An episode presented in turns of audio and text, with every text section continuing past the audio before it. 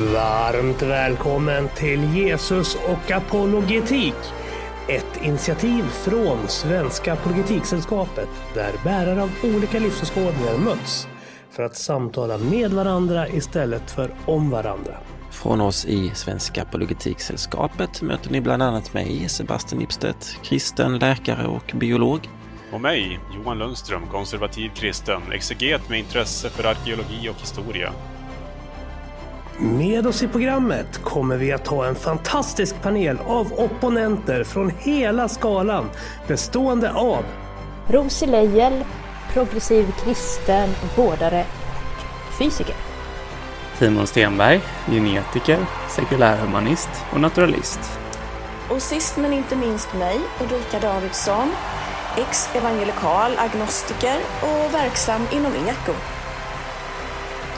Podden presenteras i samarbete med Studieförbundet Bilda, veckotidningen Sändaren och sajten Antiapologetik. Med en liten tulipan på bemärkelsedagen. Jag hade näran, jag hade näran och gratulera.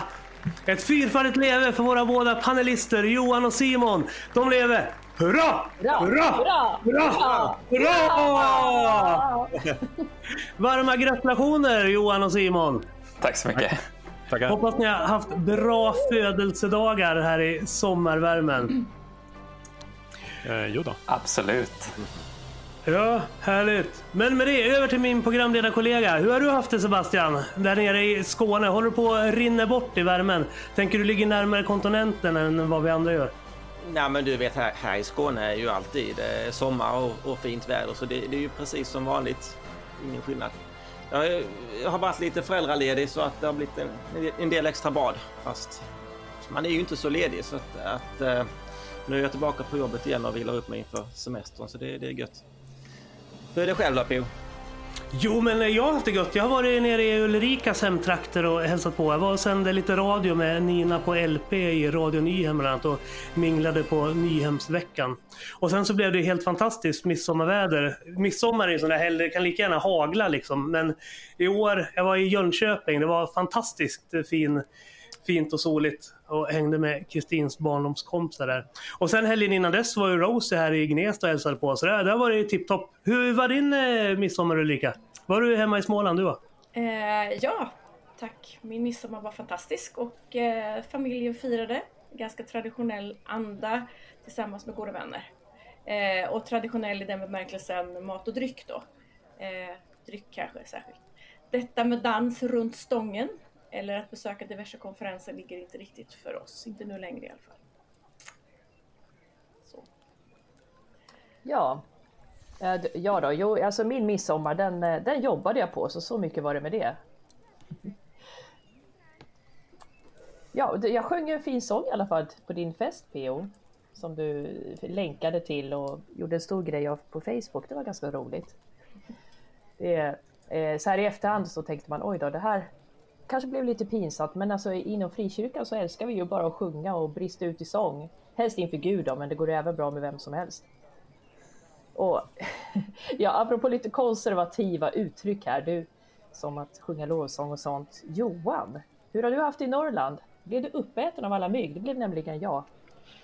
Eh, jo tack, myggen bidde bra i år. Eh, men jag har tacksamt nog inte lidit av blodförlust ännu. Jag var ute och, och, och eh, trimmade grä, en gräsmatta förra veckan och då var det när det började bli, det var ju lite så här på eftermiddagen när det var typ vid 18-tiden och solen höll på att gå ner och då kom myggen som tokar. Och så det var liksom, ja, jag, jag var helt täckt av myggbett efter den dagen. Eh, nej men i övrigt, eh, solen värmer bra och eh, solbrännan återstår dock att se. Eh, sommaren har varit ganska händelserik för min del. Jag har varit och badat, paddlat kanot, jag var och en ny bil, bara den här för, förra, Eh, vad blir det, för, för två dagar sedan. Eh, nej men så att eh, det har varit trevligt och ehm, eh, ja, jag ska väl fråga hur är det där nere i myggan med, i låtsas-Sverige och Lill-Danmark? Jo tack, det har varit späckat med midsommar och födelsedagsfiranden och diverse sommaraktiviteter. Men nu, lagom till att jag har semester, så har det ju börjat regna som tusan. Men nu är jag lite sugen på att ta upp tråden från förra avsnittet. Du ställde ju mig en intressant fråga där på slutet Johan gällande huruvida jag skulle bli en aktiv Jesus efterföljare i det fall jag blev övertygad om att kristendomens sanningsanspråk var sanna. Eh, och om jag blev det, alltså övertygad om att kristendomens sanningsanspråk skulle jag givetvis bli, att, eh, bli teist och troende i den meningen att jag nu vore övertygad om att Gud existerar. Min initiala tanke var att det skulle, om jag skulle följa Jesus, det skulle då hänga snarare på vilka av de karaktärsdrag som olika versioner av kristendom påstår att Gud innehar, som faktiskt stämmer. Men om man med kristendomens sanningsanspråk skulle, som jag tror man måste göra, inkludera att Gud är en moraliskt god Gud, så då får ju svaret bli ja. Eh, och jag ställde ju en fråga till er också. Vad skulle få er att lämna kristendomen eller teismen i, i allmänhet? Ja, oj, du, nu, nu börjar huvudvärken känner jag. Ja, det här var på en riktigt svår fråga. Vad skulle kunna få mig att lämna kristendomen? Ja, alltså för mig skulle det vara som att leva lite i ett annat universum för att jag skulle få liksom en helt annan syn på verkligheten. Allting måste förändras i grunden för att jag ska sluta tro. Så någonting åt det hållet, eh, att man på något sätt vetenskapligt kommer fram till att ingenting vi upplever är egentligen något som existerar utan eh, det är en illusion. Allt vi upplever är en illusion och på sätt och vis så kanske det är så då. Men det räcker nog inte med det för att jag skulle sluta tro. Utan eh, illusionen eh, som jag upplever, den måste på något sätt bevisas vara ohälsosam och farlig. Det är lite grann det här att eh, eh Ja, alltså det tilltal jag får från Gud om att det jag ska göra med mitt liv, då ska jag göra motsatsen. För att annars kommer jag fara illa. Man, man, man kan faktiskt dra, dra en parallell till människor som är i ett missbruk. De måste göra en helomvändning i sitt psyke för att komma ifrån det. De måste tänka att alla fina upplevelser som de har i, i ruset bara är av ondo. Och suget givetvis eh, är av ondo. Men alltså Eh, att, att det liksom skadar på något sätt. Eh, ja, och specifikt liksom mina upplevelser av Jesus, mina upplevelser när jag, när jag läser Bibeln. Alltså det, det är väldigt mycket som, som, som måste liksom bevisas eh, vara fel. Plus att hela min syn på världen, att, att den inte kan ha skapat sig själv, ingenting kan ha uppstått ur ingenting alls. Allt sånt måste bara vara, jo men eh, allting kan bara poff hända av sig själv på något sätt ur materian har sitt eget liv och sin egen gud. Så någonstans där. Och ja, det blir svårt. Men eh, jag skulle lära mig leva med det. Ja, ska jag ge mitt svar då? Eh, mitt mycket korta svar skulle vara mycket. Eh, för jag, jag har ju som grävt ner mig i apologetik under de senaste åren och, och liksom samlat på mig ett berg med eh, argument för, för kristendomen. Och på samma sätt så har jag också kollat på mycket av de vanliga eh, argumenten man hör från ateisters håll eller andra, andra världsreligioners argument mot kristendomen och liksom hört svaren på dem. Så att det blir som en lång lista av saker som kommer behöva motbevisas kan man väl säga. För att eh, det är så mycket argument. Vi har filosofiska argument för Guds existens. Vi har de historiska argumenten. Vi har liksom alla händelser i Bibeln som stöds inom arkeologi och, och, historia och så vidare. Och Allt det där skulle liksom behöva på något sätt motbevisas och säga att det här håller inte vatten. Eh, men på ett annat sätt skulle jag också samtidigt kunna säga att, att, att motbevisa kristendomen för mig är väldigt enkelt. Och Det handlar egentligen bara om att motbevisa en sak och det är att Jesus aldrig återuppstod om man kan liksom bortom rimliga bevis kunna säga det, att Jesus han återuppstod aldrig från de döda, om man kan bevisa det, då faller ju allting isär. Då, då, då har vi som ingen anledning att vara kristna längre.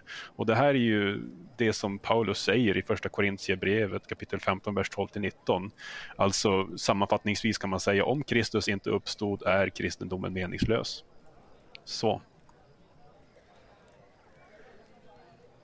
Ja, Ulrika, du som eh, definierar dig som evangelikal, du har ju varit inne lite grann i de här processerna som vi diskuterar just nu. Verkligen. Och jag, jag befinner mig ju redan på en, någon typ av resa sedan några år tillbaka där hela min kristna tillvaro som jag ju faktiskt fötts in i och som jag haft med mig så länge jag kan minnas eh, ställs rejält på kant istället. Eh, och det, det, här beror ju såklart på, ja, men delvis på tvivel och ifrågasättande av Gud och den tro jag alltid har haft. Eh, jag kan inte säga att jag helt har lämnat tron på Gud, eller vad man nu ska säga att det är, men bilden av Gud har förändrats radikalt. Eh, så mitt sätt att leva och tänka om Gud har förändrats. Jag trodde ju förut att jag inte skulle, man inte skulle klara av en sån förändring eftersom hela livet på något vis har varit uppbyggt kring en gud som ja, ägde mig och som jag stod ansvarig inför. Med allt vad skuld och skam heter om jag liksom inte tog det ansvaret. Eh, jag, fann, jag liksom fanns till i Gud såväl som allt jag tänkte och gjorde. Eh, men min, för, men min liksom förändrade syn på Gud beror också på alltså mitt ifrågasättande av Bibeln och Guds ord. Eller som Guds ord. Idag tror inte jag att Bibeln är Guds ord. Eh, utan jag tror att det är en, en historisk antologi med lång tillkomsthistoria helt enkelt. Eh, den här dekonstruktionsprocessen som man ju kallar det, kanske lite mer bekant så, eh, tror jag behöver fortgå. Eh, åt vilket håll den tar mig, det är svårt att förutspå. Jag är rätt säker på att jag inte kommer hamna tillbaka på ruta ett igen i alla fall. Vad säger du Sebastian? Ja, eh, jag tycker det är en väldigt intressant fråga som, som Simon ställer här. Eh, och jag, jag, tänker att det skulle krävas två saker i alla fall. Dels så tycker jag ju precis som, som eh, Johan och Rosie då, att det finns ett, ett, ett, antal goda skäl för att tro att Gud finns. Eh, och eh, jag tycker de är väldigt övertygande. Det är ju sånt som det kosmologiska gudsargumentet och kontingensargumentet, designargument, det moraliska argumentet och olika historiska, arkeologiska belägg för till exempel Jesu uppståndelse och så. Så att, att jag skulle vilja se då att de, de kunde vederläggas eller att åtminstone att, att jag skulle vilja se att de mer troligt var, var falska än att de var sanna i alla fall. Och sen gärna också någon slags eh, oberoende positiva argument för någon alternativ världsåskådning då. Det kan vara ateism eller islam eller, eller vad vet jag då. Eh, men det, det skulle vara, skulle vara värdefullt då. Ja. Sen, sen tänker jag också att eh, vi, vi är ju inte bara liksom rationella varelser så, utan, utan också känslomässiga. Och, och, jag har ju upplevt Guds närvaro många gånger i, i, i mitt liv. I, i samband med bön eller eh, helande eller sådär. Då. Och det, det, skulle, skulle jag ju då vilja se någon, någon alternativ eh, förklaring till. Då. Eh, sen, sen är det väldigt svårt att säga vad som skulle eh, hända liksom om man råkade ut för en, en eh, kris i livet. Det skulle hända någonting för ens familj eller så. Men för min egen del så, så, så tror jag att de här eh, mer rationella argumenten väger ganska så, så tungt. Så att där skulle jag vilja se eh, några, några bra argument emot en kristen tro. Yes. Eh, Johan ställde ju delvis motsatt fråga till er andra. Vad skulle få er att bli konservativa kristna? Jag omformulerade den för att göra den lite mer lättsam. Så frågan som jag skickade med er var vad skulle få er att börja prenumerera på världen idag? Men då i den meningen just att ni anslöt er till en konservativ gren av kristendomen. Johan, du tillhör ju den gruppen som har gått från evangelikalism till traditionalism. Så du kan väl börja med att besvara frågan. Uh, ja, nej alltså jag har väl inget emot världen idag, även om jag inte prenumererar på dem. Jag, jag, vet faktiskt inte så mycket om tidningen och jag har ingen särskild, alltså jag har inte så mycket att säga där känner jag. Ehm, jag förstår att de väcker starka känslor på grund av sina religiösa och politiska värderingar, men jag, jag menar samtidigt så känner jag att vi lever i ett samhälle med yttrandefrihet, så de har ju rätt att tycka som de vill. Eh, jag har nog inget emot att prenumerera på dem, men jag har ju å andra sidan inte så mycket att prenumerera på heller, så det är egentligen mm. där det tar emot mest. Uh, vad säger du, Rosie? Ja. Ja, jag vet inte vad som skulle kunna få mig att bli konservativ om jag ska börja med den frågan. Det, jag skulle nog behöva uppleva världen annorlunda. Jag skulle behöva eh, också erfara att åtminstone en enda kvinna som jag träffat som har gjort abort eh, tyckte att det var det värsta hon har gjort till exempel, som jag hela tiden hör från konservativa till exempel.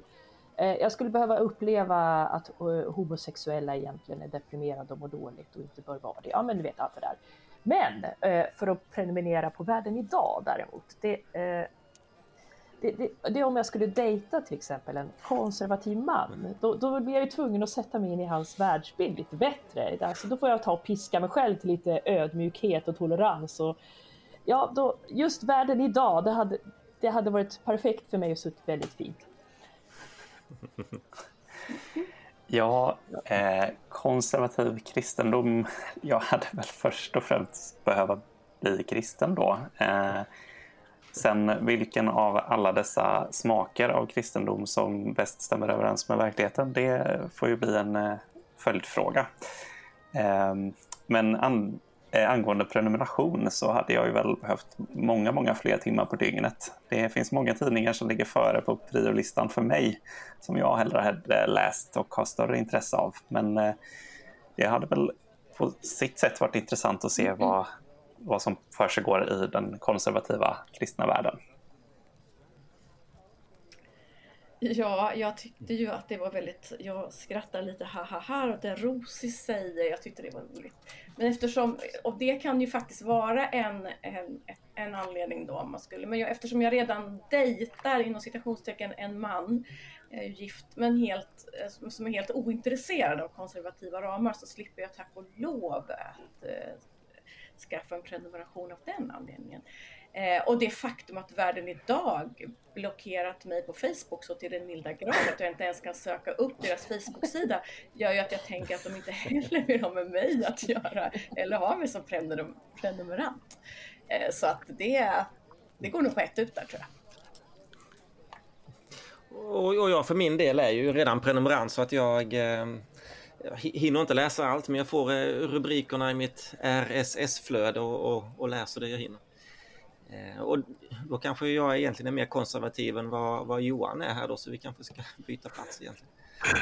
Eh, men, men om jag ska bli liksom mer fundamentalistisk sådär som man brukar sätta den evangelikala tro, eh, synen i kontrast till då, då får jag väl ha bra, bra skäl för det. Vi får, får väl se vad som händer under poddens gång här framöver.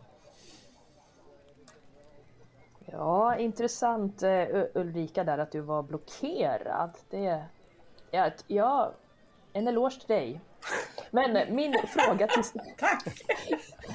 till Sebastian, jag tänkte på den nu, den passar väl väldigt bra in. Sebastian, mm. vad är det som gör att, att du är så säker på att den, alltså just den evangelikala förståelsen av kristendomen det skulle vara sannare än en konservativ eller lite mera friliberal teologi som jag och Ulrika?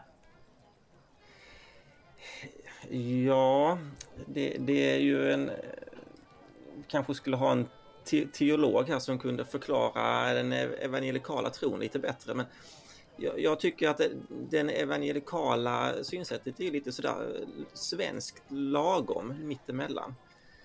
Eh, och om jag har förstått historien rätt, om man går tillbaka till, till när den eh, liksom utkristalliserades då under 30-40-talen så, så var det ju ganska många kristna som tryck, tyckte att den liberala teologin har många fina egenskaper och den fundamentalistiska också men, men det finns en del problem också så då, vi tar liksom det bästa av båda världarna och så blev det den eh, evangelikala eh, rörelsen. Liksom.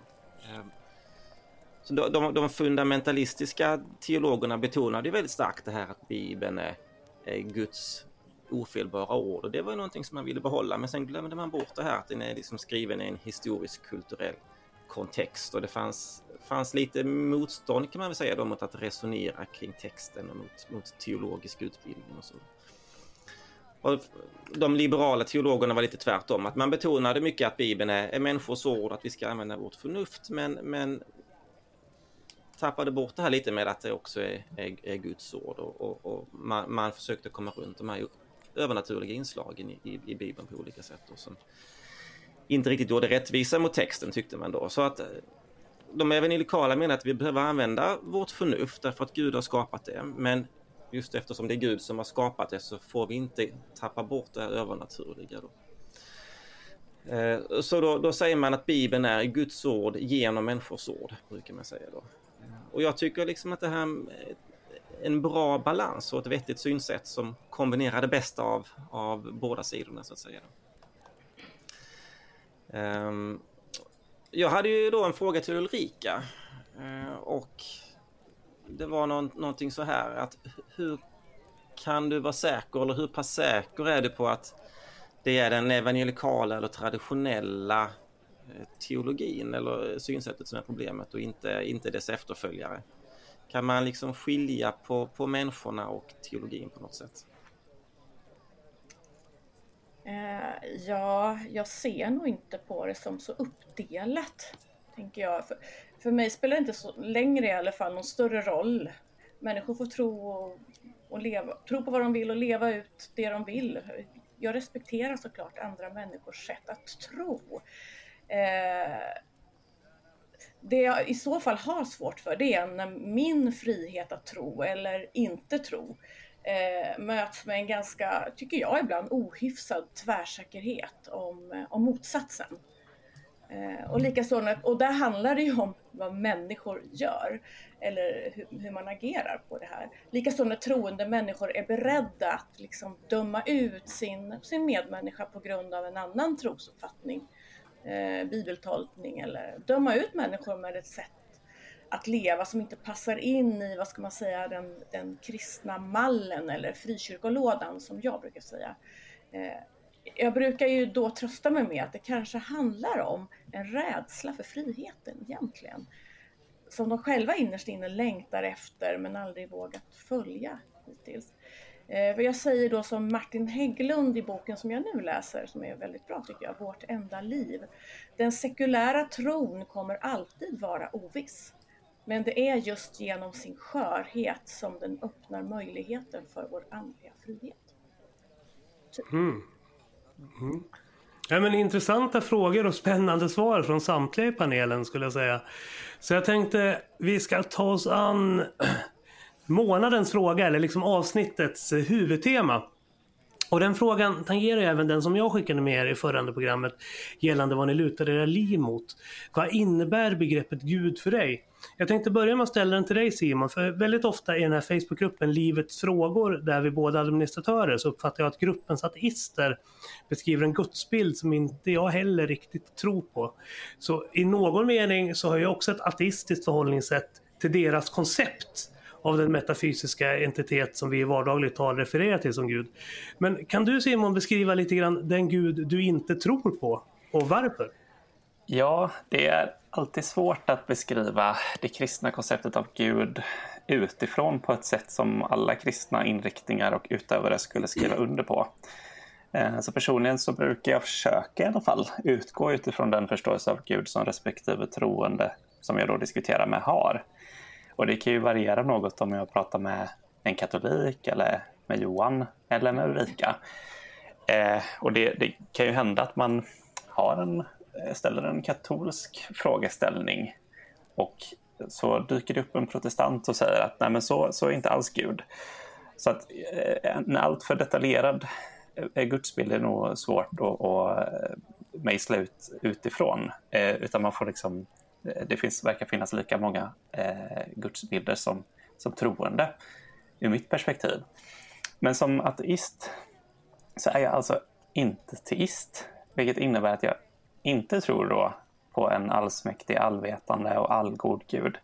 Eller som många teologer idag kanske hellre uttrycker sig som maximalt mäktig och maximalt vetande och maximalt god för att undvika vissa eh, analytiska problem det mest grundläggande skälet att jag inte tror på en, en sådan, eller någon annan eh, gud för den delen heller, existerar, är att jag inte anser att det finns goda skäl att acceptera ett sådant påstående som sant.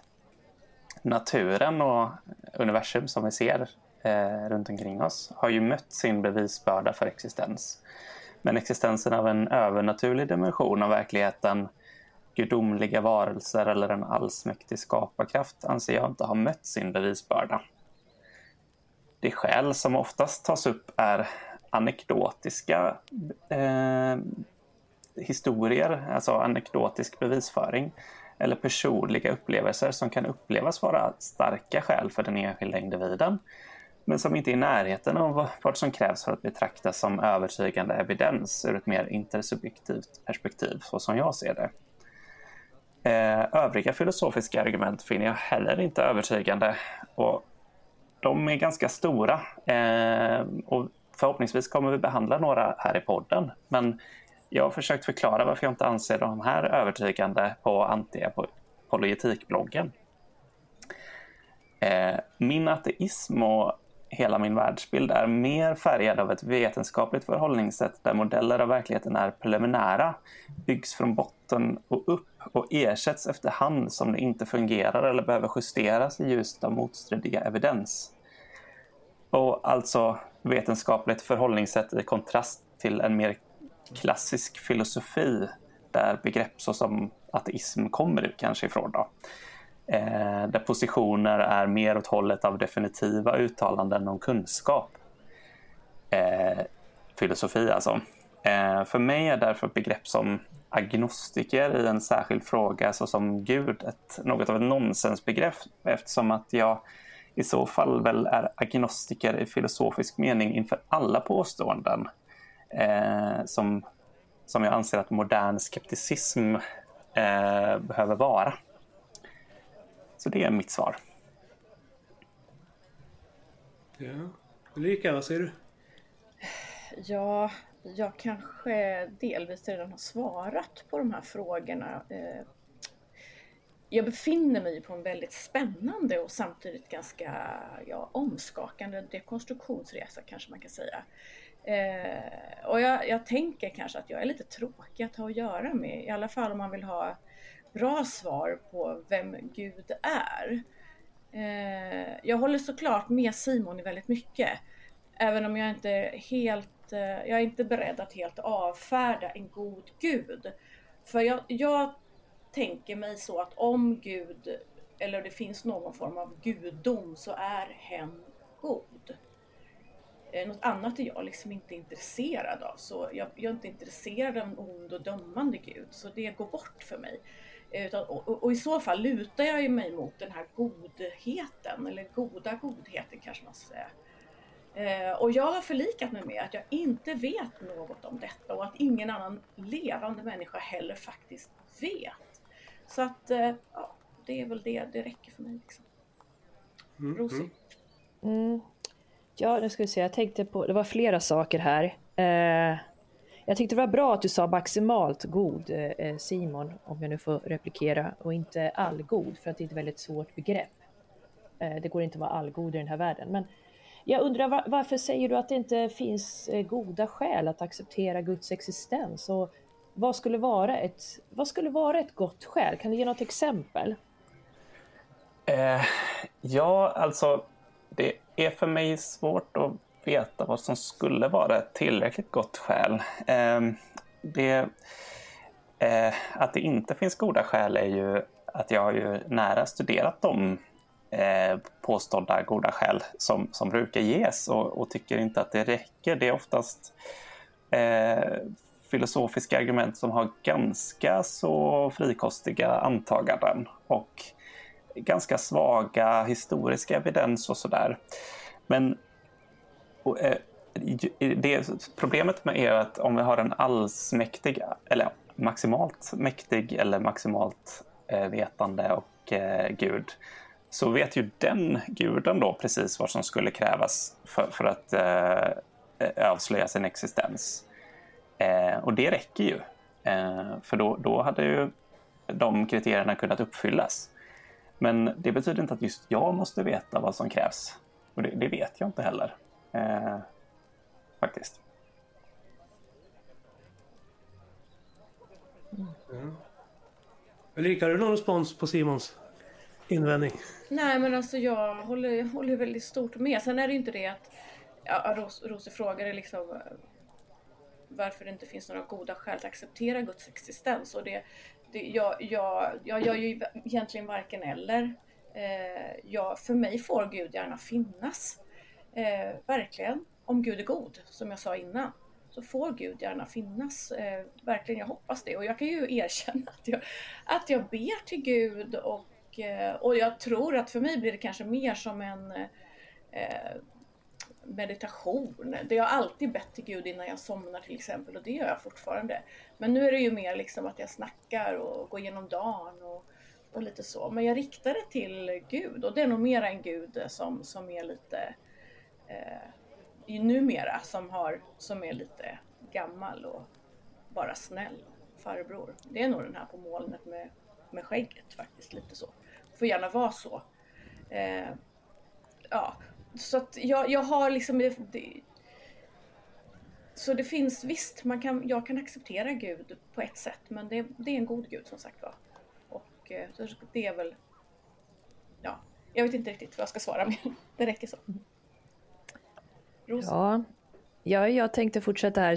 Simon, eh, du pratar om an anekdotisk bevisföring och undrar eh, alltså hur en sådan prövas. Men alltså sådan anekdotisk bevisföring, det är ju så man överhuvudtaget inom vetenskapen börjar att pröva saker genom att folk berättar historier om sånt de har varit med om som kanske inte är så vanligt eller som eh, Alltså det är på det sättet man börjar. Men det jag undrar är eh, varför ateister eh, aldrig känner att de vill pröva den. Eller att de vill pröva att be till Gud helt enkelt för att eh, så sätt komma fram till ifall de upplever att det finns en, en andlighet, en andlig dimension till att börja med. Eh, ja, och sen eh, tänkte jag också säga att eh, alltså Gud, eh, eh min uppfattning av Gud är ju att, att, att det är en god Gud, som Ulrika säger. Det är ingen dömande Gud i första hand, utan en god Gud. Så att eh, man ska inte gå omkring och vara rädd för Gud. Samtidigt så Eh, ja, så är det uppenbart att han har gett makten, Gud har gett makten också till, när han har skapat naturlagar så ger han ju makt. Det är ju, så det, det är ju en del av eh, skapelsen att, att ge ut sin makt. Skapas en naturlag så är det den lagen som gäller, annars är det ingen naturlag. Så att det är det här som är så svårt när man pratar om en allsmäktighet. Jag kan säga så att det fanns en allsmäktighet innan världen skapades, men numera så, så finns det ju naturlagar och det finns det är naturen som styr och det är därför jag inte heller förstår sådana begrepp som övernaturlighet. Men eh, det, det, är just mitt synsätt. Jag vet att det är vissa kristna som pratar om en övernaturlighet och en liksom naturlig värld. Men eh, för mig är ju allt naturligt, naturligt att Gud finns. Ja. Jag tänker vi ska samla på oss lite invändningar från de här mer traditionella riktningarna också innan vi släpper in Simon igen som får svara. Jag tänker, Sebastian, du kanske ska börja? Eh, så din fråga PO är då vad innebär Gud för mig? Det är det som jag ska svara på då. Ja, precis. Och ja. sen får du gärna passa på att replikera på Simon också när du ändå... Ja. Okay. okay. Eh, jag, jag, tänker så här att, att eh, vi som är, är välsignade med att ha tillgång till Bibeln har en bra källa till kunskap om Gud. Och ett intressant ställe tycker jag det är när Gud uppenbarar sig för Mose i Andra Moseboken. Och då gör han ju det som, som ni vet då som en buske som, som brinner då utan att eh, brinna upp. Och eh, Mose han tyckte det var häftigt och, och ville gå fram och, och, titta vad det var för någonting. Och vad säger Gud? Och han säger stopp, kom inte närmare. Utan ta av skorna för marken där du står eh, är, är helig mark.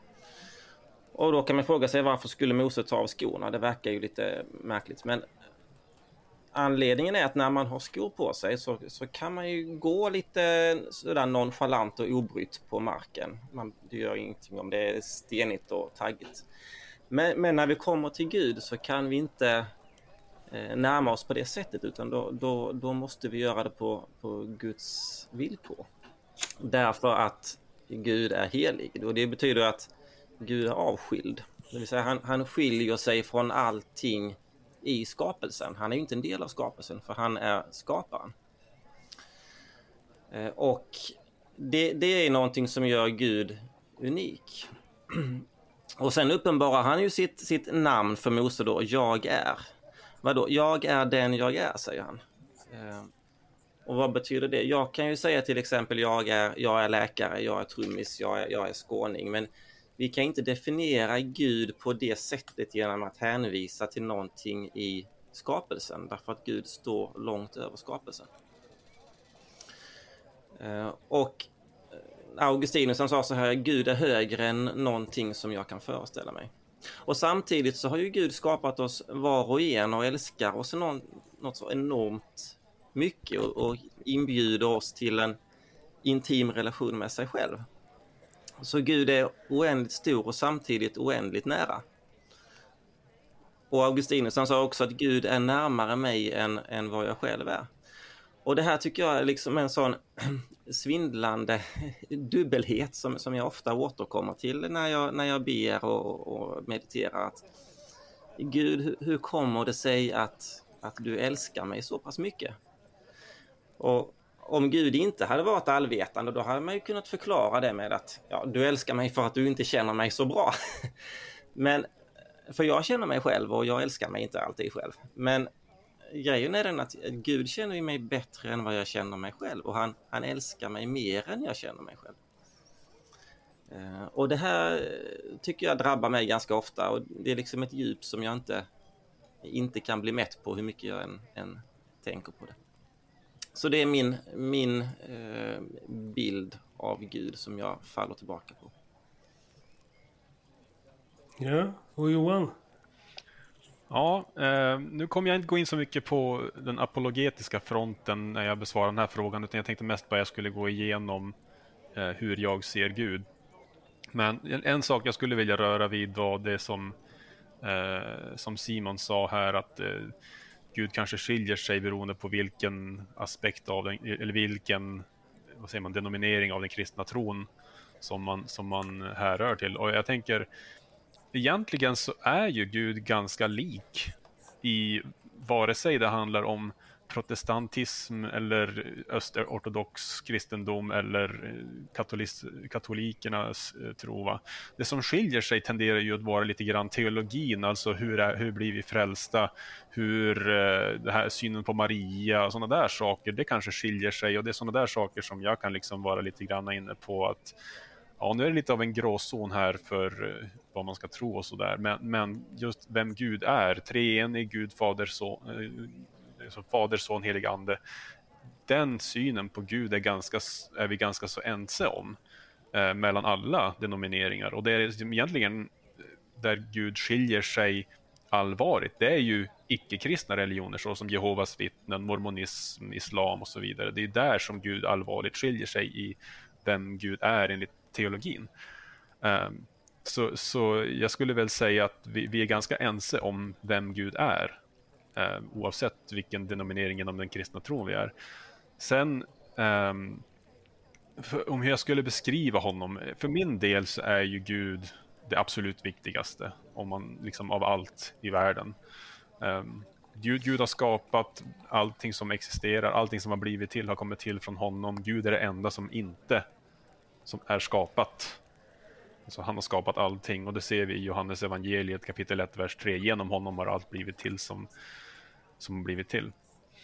Och jag ser Gud som någon som man kan lita på, för Gud håller vad han har lovat. Ehm, vi kan se det genom alla berättelser i Bibeln att Gud lovar någonting. Han lovar Abraham att genom dig så kommer jättemånga människor att födas och vi ser det även idag har vi judafolket kvar.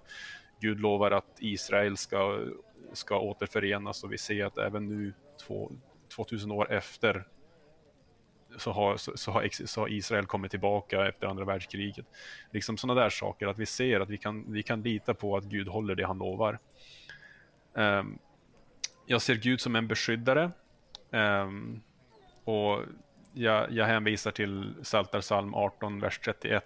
Guds väg är fullkomlig, Herrens tal är rent. Han är en sköld för alla som flyr till honom. Och vi ser ju exempel på det här under Andra Mosebok när de ska fly Egypten och alla som tror på Gud gör som han säger och de blir frisläppta från, från faraos från faraos makt. Um, Gud är allsmäktig. Um, och jag tycker första krönikerböcken kapitel 29, vers 11 till 12 beskriver det rätt bra. Det står så här. Dig, Herre, tillhör storhet och makt, härlighet och, och glans och majestät. Allt som finns i himlen och på jorden ditt, o Herre, är riket och du har upphöjt dig till, till ett huvud över allt. Rikedom och ära kommer från dig. Du råder över allt och i din hand är kraft och makt. Din hand kan göra vad som helst, stor och, stort och starkt. Um, och så ser jag samtidigt att Gud är barmhärtig. Vi ser det i Psaltarpsalm 145, vers 17. Herren är rättfärdig i alla sina, vågar, eh, i alla sina vägar och nådig i allt han gör. Och slutligen, Gud är kärlek. I första Johannesbrevet kapitel 4, vers 8 står det Den som inte älskar har inte lärt känna Gud, för Gud är kärlek. Ehm, sen den här frågan om är Gud dömande? Ja, alltså det, det, är ju ganska polariserat det där, för Gud är ju både dömande men också nådig. Alltså han kommer förlåta vissa och han kommer att döma vissa beroende på eh, det som tror man eller inte. Och, så det är ju så jag ser Gud, alltså det, det är vad Bibeln säger helt enkelt. Så. Eh, Myggan, vill du svara på det? Ja, jag hade ju lite att replikera på här, men jag ska försöka fatta mig så kort jag bara kan. Jag håller ju med Rosie om att alltså det är väldigt svårt med definitionen av övernaturligt, men så som jag kanske använder det här då i saker som vi liksom normalt anser inte kan ske utan någon form av eh, upphörande av naturlagarna eller någonting i den stilen. Så som att Eh, eh, vin och, och, bröd blir eh, kött av en inkarnerad gud i nattvarden eller att människor återuppstår från de döda. Eh, jag tycker absolut att anekdotiska bevis är en jättebra början för att eh, undersöka någonting. Eh, jag menar, att eh, acceptera anekdotiska bevis för att till exempel att du har ett, en hund eller en katt hemma är ju helt i linje med vad eh, de evidens som vi har om hur världen fungerar. Så det hade jag liksom accepterat. Men eh, hade det börjat strida mot den, den allmänt eh, vetenskapliga eh, förståelsen av hur världen fungerar så krävs det liksom mer för att, för att eh, harmonisera hela de evidensen tillsammans.